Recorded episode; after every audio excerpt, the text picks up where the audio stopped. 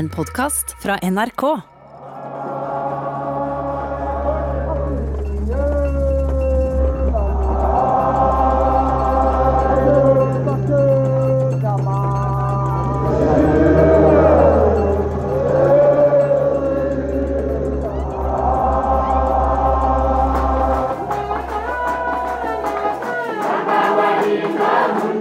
Jeg ble forbauset første gang jeg møtte Gud i Afrika.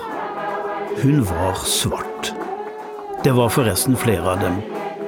Det var husguder og familieguder, her var onde ånder, politikere med doktorgrad hadde amuletter i skuffen for å holde demonene unna, og hvite prester fortalte meg at raseskillet var etter Guds vilje. Og svarte prester sa det motsatte. Toms afrikanske fortellinger. Jeg heter Tom Christiansen, og jeg har sittet i små kirker av strå i Afrika og hørt den firstemte sangen. Jeg har lett etter Gud i Afrika, i historien og i bushen. I byen og på landsbygda. Jeg fant, men det var ikke som jeg trodde. Jeg har møtt prester etter et folkemord og sett dem be med enkene, og jeg er bestevenn med en svart erkebiskop.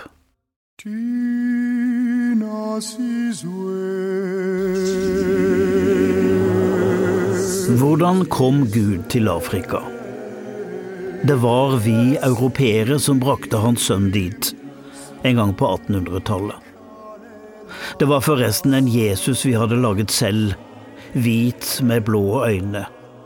Vi pakket ham inn i europeiske salmevers, og siden lot afrikanerne ham vokse opp i bushen. I flere hundre år har vi snakket om det kristne Europa og hedningenes Afrika. Her til lands hadde bladet Misjonstidene en fast tegning på forsiden av en svart familie som sto under en palme og så en fullrigget seilskute gli inn mot kysten. Under sto det Kom over og hjelp oss. Og vi hjalp dem i 150 år.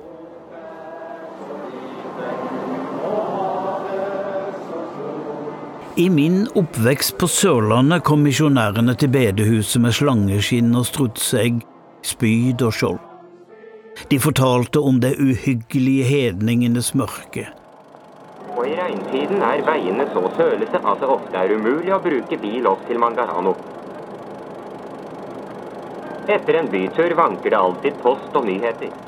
Der visste de ikke om Jesus, og de hadde dødelige sykdommer og kunne verken lese eller skrive. Men vi skal hjelpe dem. Den første norske misjonæren var sogningen Hans Skrøder. Det norske misjonsselskap sendte ham til Zululand i Sør-Afrika i 1844, og der ble han slett ikke ønsket velkommen, selv om han skulle hjelpe dem alle.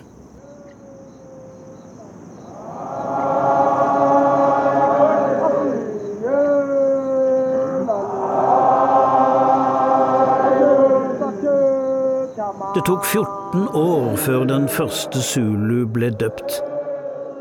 Men tida var ikke bortkasta.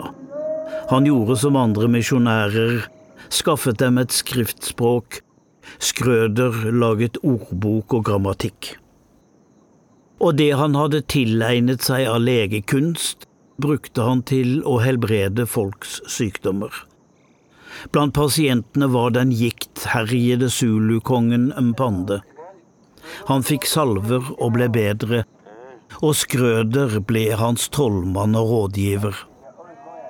Han satt i høvdingens krål, gjort av møkk og leire, og snakket om slekters gang og gudenes luner. Skrøder var løftet opp som en helt blant zuluene, men det varte ikke lenge. For selv om den kristne guden kunne helbrede en pandes hofter, så kongen at zuluer som ble kristne, ikke lenger var gode krigere. De likte ikke å drepe, så zulukongen konkluderte til slutt med at en kristen zulu er en dårlig zulu. Det endelige beviset fikk han da britene okkuperte Zululand og Skrøder måtte velge mellom zuluene og britene. Misjonsselskapet holdt seg til de hvite. Vestover nå, til den store øya Madagaskar i Det indiske hav. Der la en norsk båt til havn noen år seinere, misjonsskipet Elieser. Båten skulle bringe norske misjonærer trygt til misjonsmarken, uten drikking og banning under dekk. Over dekk lå det trelast nok til å bygge en kirke. Det skulle være en sjøreise i Jesu navn, med morgenandakt og salmesang, fritt for dram, kraftuttrykk og sjømannsviser. Ned leideren fra rekka til havna steg noen norske misjonærer som skulle bringe evangeliet til den gassiske befolkning. De sto der med sine unge koner, eller uten. Kanskje kom fruen på neste skip. De hadde lært seg fransk og studert hedningenes usle liv. De skulle frelse, helbrede utdanne. Arbeidet på Madagaskar sto rørende omtalt i misjonsbladene, men var ikke dette egentlig kulturimperialisme? Hadde de ingen respekt for afrikanernes tro og livsform? Misjonærene ble ganske sjokkert. Alkoholismen var overveldende, den sosiale nøden var stor, med vold mot koner og barn. Troen på onde ånder drev dem til å drepe folk de mente var besatt. Barn ble ofret til gudene.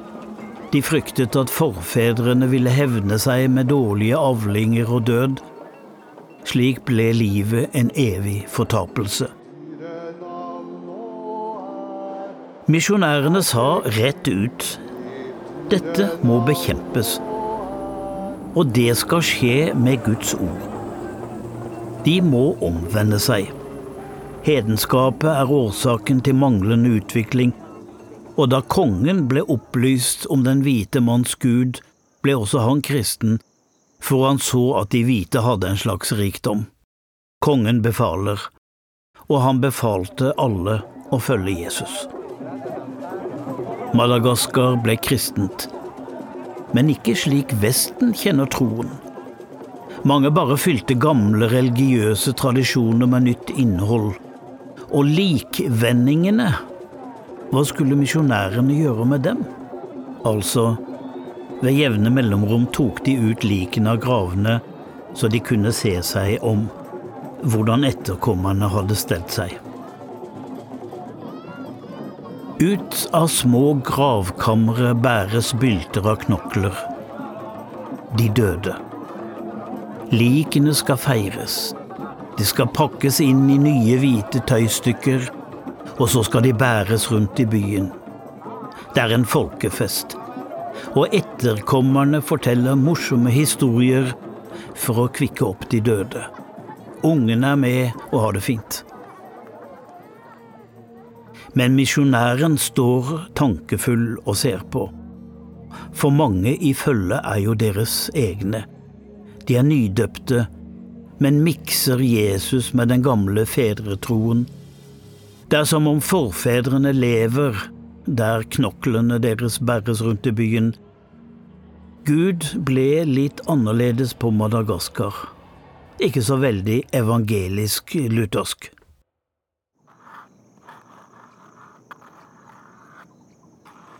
De gamle norske misjonærene, de fra 1800-tallet, var ikke bare forkynnere, de var også forskere. De skrev sine bekymrede brever til misjonsvennene hjemme om hedenskap og overtro, men så snudde de seg rundt og forsket på denne djevelskapens opprinnelse, og fant ut hvor gasserne hadde sin kultur fra, hvor deres språk stammet fra, og hvilke røtter troen deres hadde. Misjonæren Lars Dahl dro ut i 1870 med kunnskaper i arabisk, syrisk, kaldeisk, gresk, latin og fransk, foruten medisin og botanikk. Han studerte lokal skjebnelære og spåmannskunst, og oversatte deler av Bibelen til gassisk. Da oppdaget han innslag fra arabisk og afrikanske språk. Den samtidige Otto Emil Birkeli skrev verker om folkeminne og forsket på folkereligion. De skrev avhandlinger om verdiene i den kultur som de var kommet for å fordrive, og de ble medlemmer av Vitenskapsakademiet i hovedstaden Antananariva. Misjonærene helbredet og drev enkel legekunst, men de kunne ikke helbrede seg selv. De hadde ikke immunapparatet og fikk feber.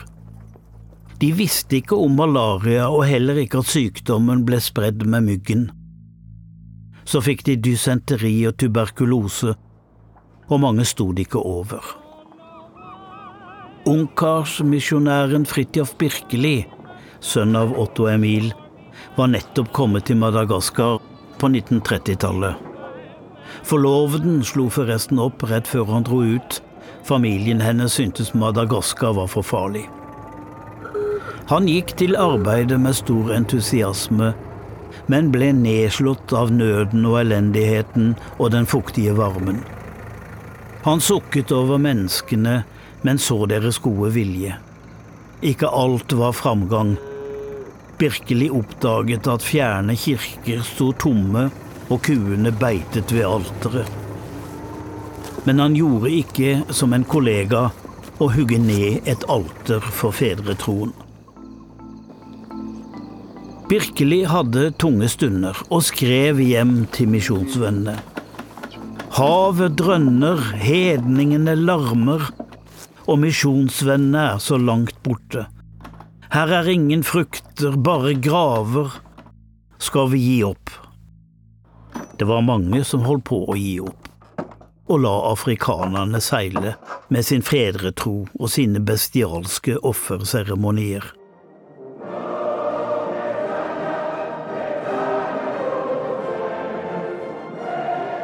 En av dem var legemisjonæren David Livingston. Han kom til Cape Town i 1841 med legestudier og noe teologi i bagasjen. Han skulle bevege seg nordover og forkynne evangeliet for stadig nye folkeslag. Han var en brite som skulle omvende og erobre Afrika.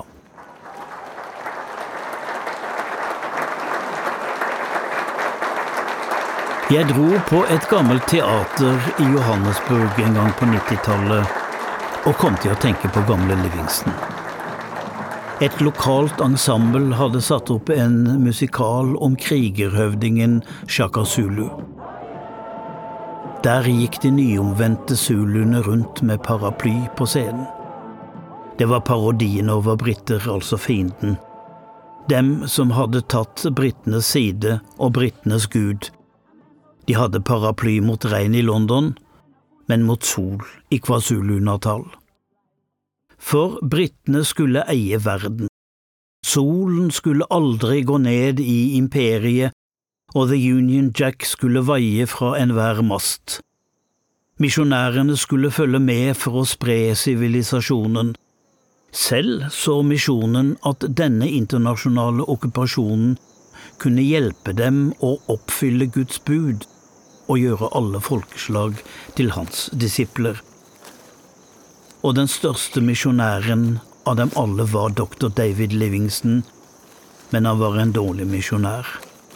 Han prekte svakt og omvendte bare én mann. Dr. Livingston gikk lei der han vandret innover i Afrika.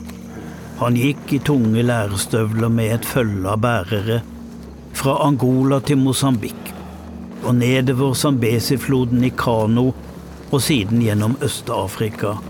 Han tenkte på noe helt annet enn å preke. Han var mer opptatt av de ulykkelige afrikanerne som ble tatt som slaver og solgt. Det var det han ville gjøre noe med.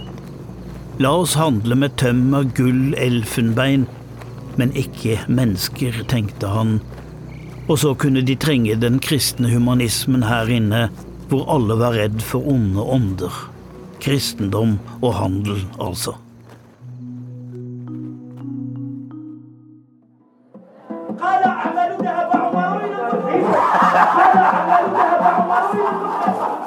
Så dro han til Zanzibar og traff en konkurrent.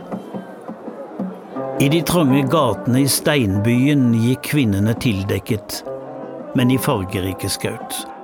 Det gjør de forresten fortsatt.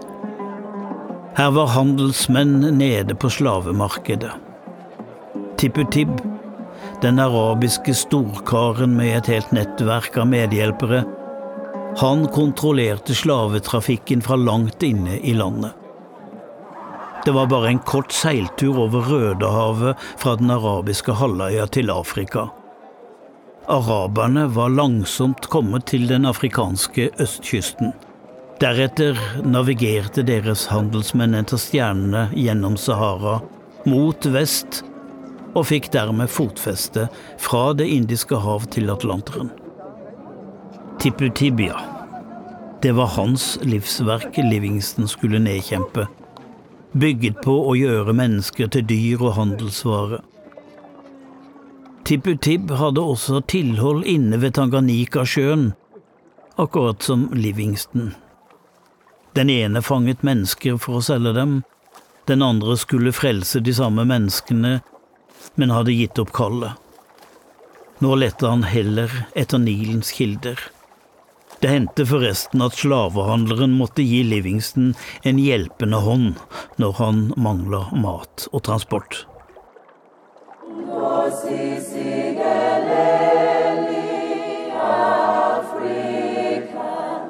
I Sør-Afrika gjorde hvite embetsmenn det klart at svarte og fargede ikke burde be Fader vår. Det var ikke sikkert at de kunne kalle Gud for vår far. Men så skjedde det noe i Sør-Afrika. Svarte tok over selv.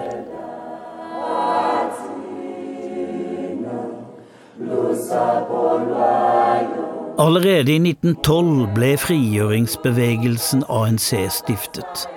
De åpnet møtet med å synge en salme, Nkosi Sikeleli, Gud bevare Afrika. Flere av stifterne var prester. De hadde hørt den hvite manns budskap om Jesus, og nå gjorde de ham til sin frelser. Ikke så mye om frelseren som skulle berge dem. Jesus blir til de fattiges frigjører.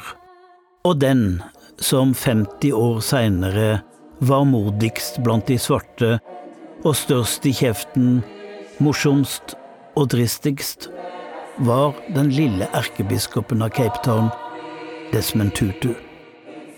Når han i fiolett prestekjole entret talerstolene på store folkemøter, var stadion fullpakket, og han ble mottatt som en rockestjerne. Fly, eagle, fly. Reis dere, folkens, Gud har valgt side, og han står på vår side, ropte han. Du er en ørn. God says to us, You are no chicken. You are an eagle. Fly, eagle, fly. Thank you.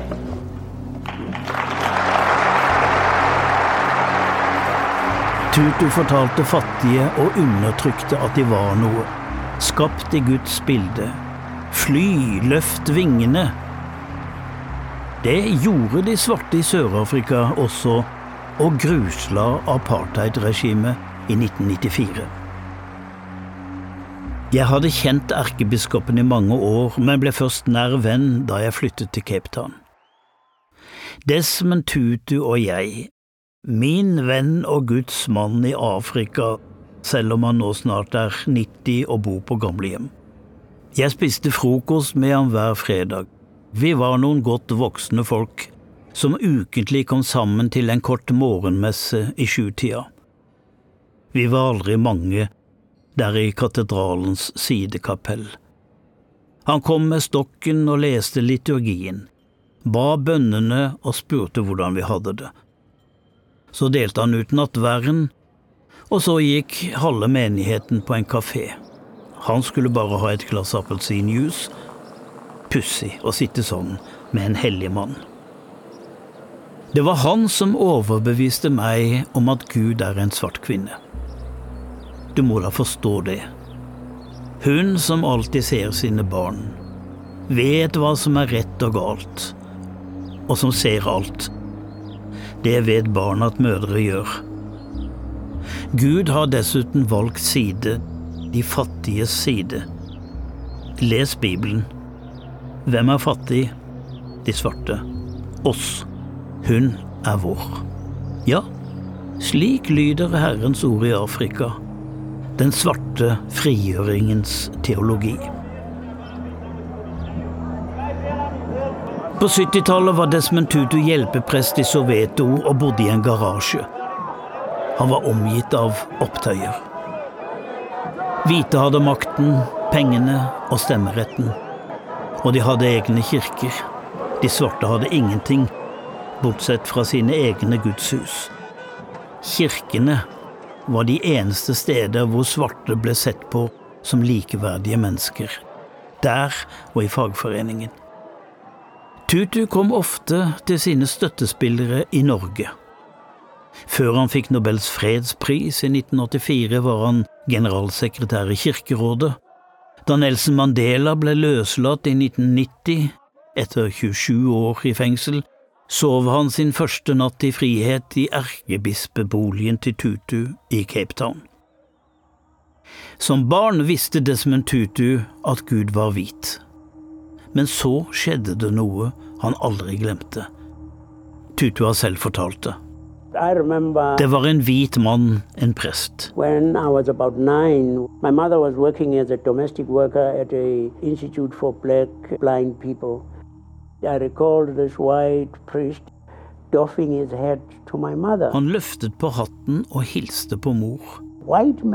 Det hadde Desmond aldri sett noen hvit mann gjøre. Da hadde Gud vært på de hvites side i 300 år. left Cape Colony to open up the interior. They called themselves the Foretrekkers. They founded the Transvaal. And today, at a mighty hillside camp south of Pretoria, the modern Union remembers the Foretrekkers.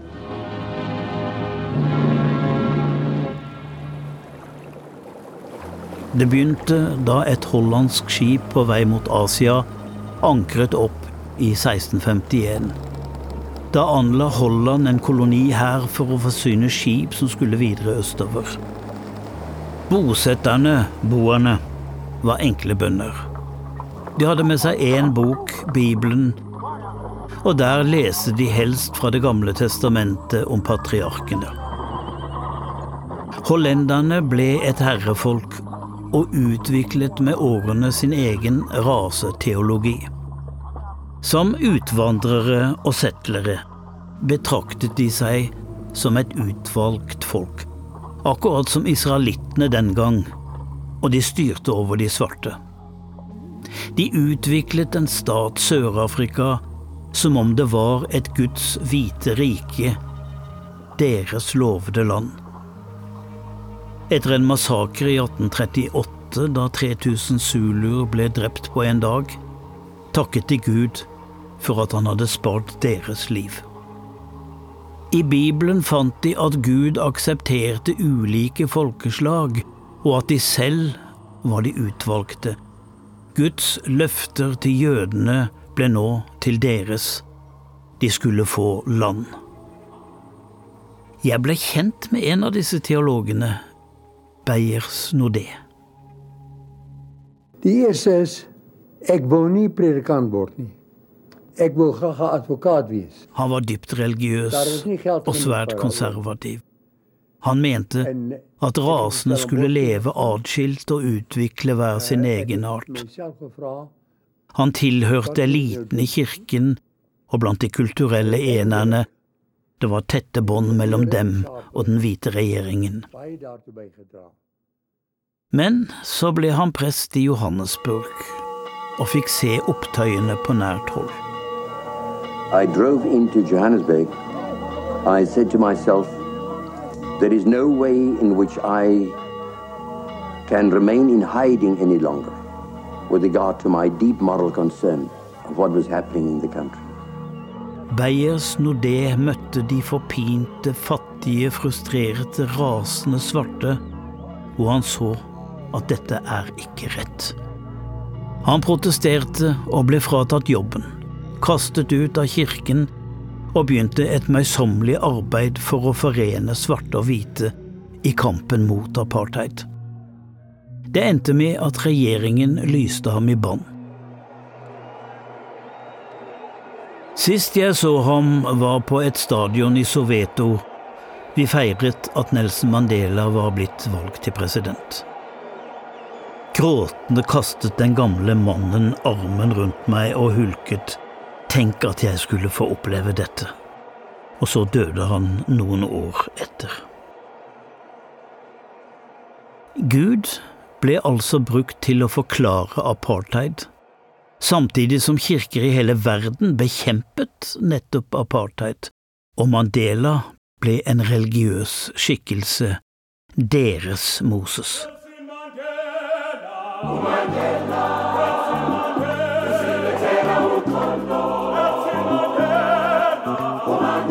På 80-tallet profeterte prestene i de fattigste gudshus at Gud ville gripe inn.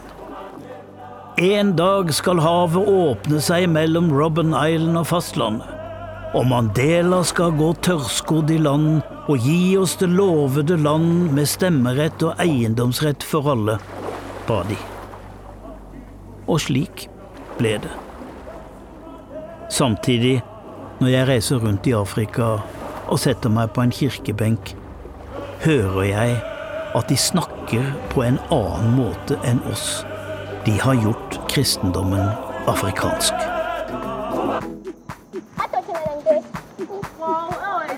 Ute på landsbygda i Angola er det søndag morgen, og kirken er full. Den har et ståtak og noen bambusstaver til vegger du kan se rett gjennom. Menigheten sitter på trestokker. På morgenkvisten steg de ut av sine hjem, pyntet til fest. Ungene ser ut som prinser og prinsesser, mor i en fargerik kjole og far med hvit skjorte og slips. Dette er ukas høydepunkt. For 100 år siden kunne en hvit misjonær stå her og lære dem vår Gud han er så fast en borg, at de måtte kle seg på ordentlig og bare ha én kone. Siden har det vært borgerkriger og sammenbrudd, sult og nød. Men nå er det en svart prest som står her og de synger sine egne sanger. Og de danser i kirken. Jeg har fått plass helt framme siden jeg er en besøkende, kanskje også fordi jeg er hvit. Det er dette som holder folk oppe og bygda sammen. Presten taler portugisisk og litt lokalt tjokve. Han er ung, og så reiser folk seg og ber om forbønn. En bestemor er blitt syk og har feber. En sønn har tatt eksamen, kan vi ikke takke Gud for det? En slektning er blitt skutt av geriljaen og etterlater seg en stor familie. Hva gjør vi nå, pastor? Så er det nadvær. Og det er nå jeg hører Gud i Afrika, for slik har jeg ikke hørt innstiftelsesordene hjemme. Presten sier mens han løfter brødet. Slik som kornene er blitt stampet, eltet og gjort til brød, slik skal vi, Angolas folk, komme sammen og bli til ett. Så løfter han krukken med vin. Slik disse druene er blitt krystet og forvandlet til vin, slik skal vi alle bli til ett folk i fred. Så kommer de fram, én etter én, og får det velsignede brød og den hellige vin.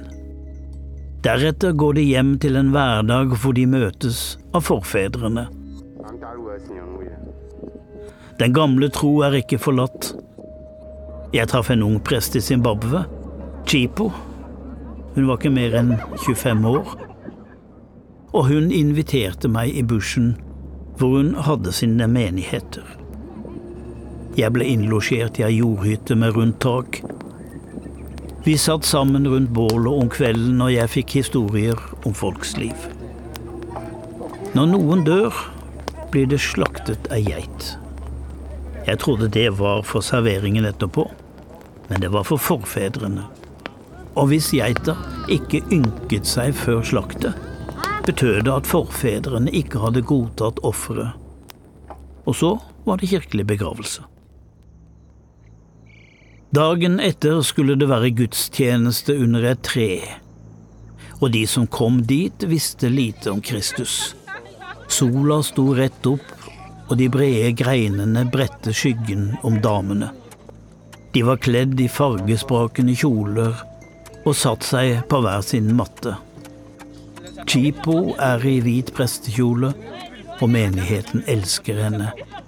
Særlig fordi hun er søt og vennlig, men like mye for at hun er svart.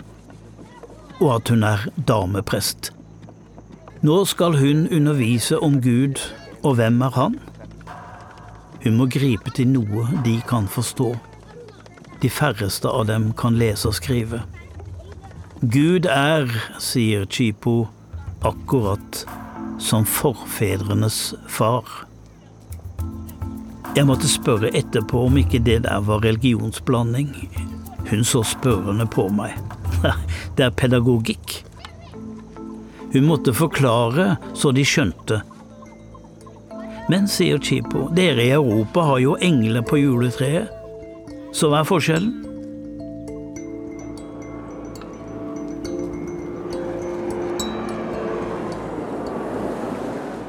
Jeg vender tilbake til Cape Town i min jakt etter Gud i Afrika, og finner flere av hans troende. Noen kom fra de hollandske besittelser i Asia, de var etterkommere av slavene, muskuløse analfabeter og lydige tjenerinner uten utdannelse. Men ingen tenkte på at selv en analfabet bærer i seg et helt univers av tanker og erfaringer det asiatiske kjøkken. De arkitektoniske, snirklede finurligheter de hadde sett. Musikken med annerledes instrumenter. Og troen på Allah. Da slavene ble satt fri i Sør-Afrika i 1834, fikk de plass i en egen bydel, Bo-Kapp. Og der bor og fester de fortsatt. Husene er små med en liten veranda mot gaten. Jeg bor selv like rundt hjørnet. Husene står tett i rekker og er malt i knallgult, blått, grønt og rødt. Ingen vet hvorfor det ble sånn. I gatene går menn i hvite lakener og kvinner i Orientens lange serker. En imam messer fra tårnet. Unger er på vei til koranskole, og jeg pleier å henge med noen av de gamle før de skal vaske beina og gå i moskeen.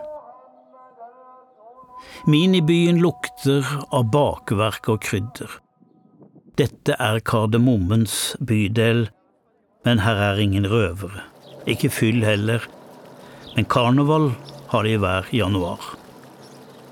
Vi sitter på en benk vis-à-vis den grønnmalte moskeen i Long Street og har fulgt med på nyhetene om jihadistene i Mali langt lenger nord. Hva er det de driver med? Brenner bøker og river moskeer. Det er ikke sånn islam er, sier min eldgamle nabo Abdullah. Han driver en liten forretning, men er ingen lærd mann. Han er en sånn som roper etter ungene når de slåss, og hjelper gamle enker med noen rann. Han er oppbrakt over at hans hellige tro er blitt kjendet av væpna folk som taler i profetens navn. De har prøvd seg her også, men det ble bare en episode. Her er det den milde Mohammed som gjelder, her er det streng disiplin, sier Abdullah. Vi reiser til Mekka når vi har råd, og gir tiende av inntekten til de fattige. Man går på besøk til de syke med mat og medisiner, og ungene ærer sine foreldre. Og så vil han erte meg. Jeg tror dere har slutta med barneoppdragelse der oppe i Europa. Mohammed og Jesus lever side om side, for ei kirke kneiser rett rundt hjørnet. Og slik har disse to religionene levd i Sør-Afrika siden 1600-tallet, hos de små mennesker. Da er det jeg kommer på en samtale jeg hadde med den hvite forfatteren André Brink. Han er død nå, men bodde på den andre siden av byen. Han hadde fått en rystende telefon fra en vinbonde som i noen gamle papirer kom over etternavnet hans. På 1700-tallet eide Cornelis Brink vingården Sandflit i Franschhoek. Var det samme familie? Jo, svarte Brink. Det var forfedrenes stolthet. André Brink ble en verdensberømt forfatter for sin nådeløse skildring av apartheidsystemet, hvordan den hvite mann i Guds navn gjorde folk til undermennesker og holdt dem i egne rasereservater og nå forteller vinbonden at forfedrene til Brink holdt slaver, og de ble ikke pent behandlet. Det var mye som gikk i knas for André den dagen. Familiens formue var altså bygget på slaveri. Så han, André Brink, med sin internasjonale anerkjennelse som en forkjemper for svartes rett, hang selv i forbannelsen. Brink begynte å undersøke og kom over en historie jeg bare må fortelle. På gården arbeidet den unge Filida på kjøkkenet. Hun laget mat og kunne strikke. Hun hadde tatt opp i seg husfolkets gudstro og kunne sitt fader vår. Men hun hadde ingen sko. Hun kunne bare ikke stikke av. Sko, det var frihetens symbol det var frelsen å kunne dra hvor hun ville. Vi skriver tidlig 1800-tall, og slaver skal bli løslatt, men ikke Felida. Det er det hun vil protestere mot, og så går hun, barbeint den lange veien til Stellenbosch, over fjellet til magistraten for å klage på sin eier. Hun risikerer livet med denne protesten, men gjør det likevel og blir avvist. Vinbonde og slaveeier Brink hadde ikke noe valg. Han kunne ikke ha en slik kvinne i huset, og solgte henne ved neste markedsdag. Filida ble vist fram både tenner og bein, og så ble hun solgt til en bonde som egentlig ville sette henne fri. På den nye gården traff hun en annen frigitt slave, Labyn. Han var slumse det var det de kalte muslimene. Han trodde på profeten, og han ble opprørt over at Felida var kristen. Herren Gud, Felida, det er jo den hvite manns gud, ikke vår. Det er jo han som har gjort oss til slavefolk. Du må venne deg til profeten, Felida. Det er han som lover å sette oss fri. Det er han som er profeten for oss. Så sa Labun at de skulle slå seg sammen og bli mann og kone, og så skulle de dra gjennom ødemarken til ei elv langt borte, hvor de kunne bygge og bo og skape et liv. For der lå det lovede land for dem, akkurat som for Moses da han vandret ut fra Egypt. Men hva med Maria? spør Felida. Skal jeg ikke be til Maria lenger? Jo da, sier Labin, ta henne med. Vi kan ha henne ved siden av Aisha, som er kona til Mohammed. Og Jesus, da? Ja, han òg, svarer Labin. Han er jo også vår profet. Sånn er det blitt med Gud i Afrika. Det kommer litt fra forfedrene og litt fra himmelen. Litt fra Jerusalem og litt fra Mekka. Det viktigste er kanskje at Gud er blitt svart.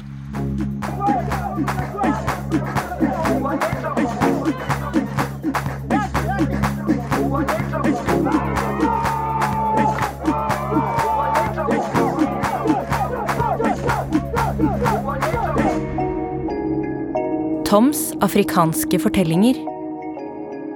Du kan høre flere episoder av Toms afrikanske fortellinger i appen NRK Radio. Denne podkasten er laget av Tom Christiansen. Klipp og lyddesign var ved Øystein Vesaas, og Marius Christiansen har laget musikken. Produsert av Svarttrost Produksjoner. Redaktør i NRK er Gitte Kalmeier. Du har hørt en podkast fra NRK. Hør flere podkaster og din NRK-kanal i appen NRK Radio.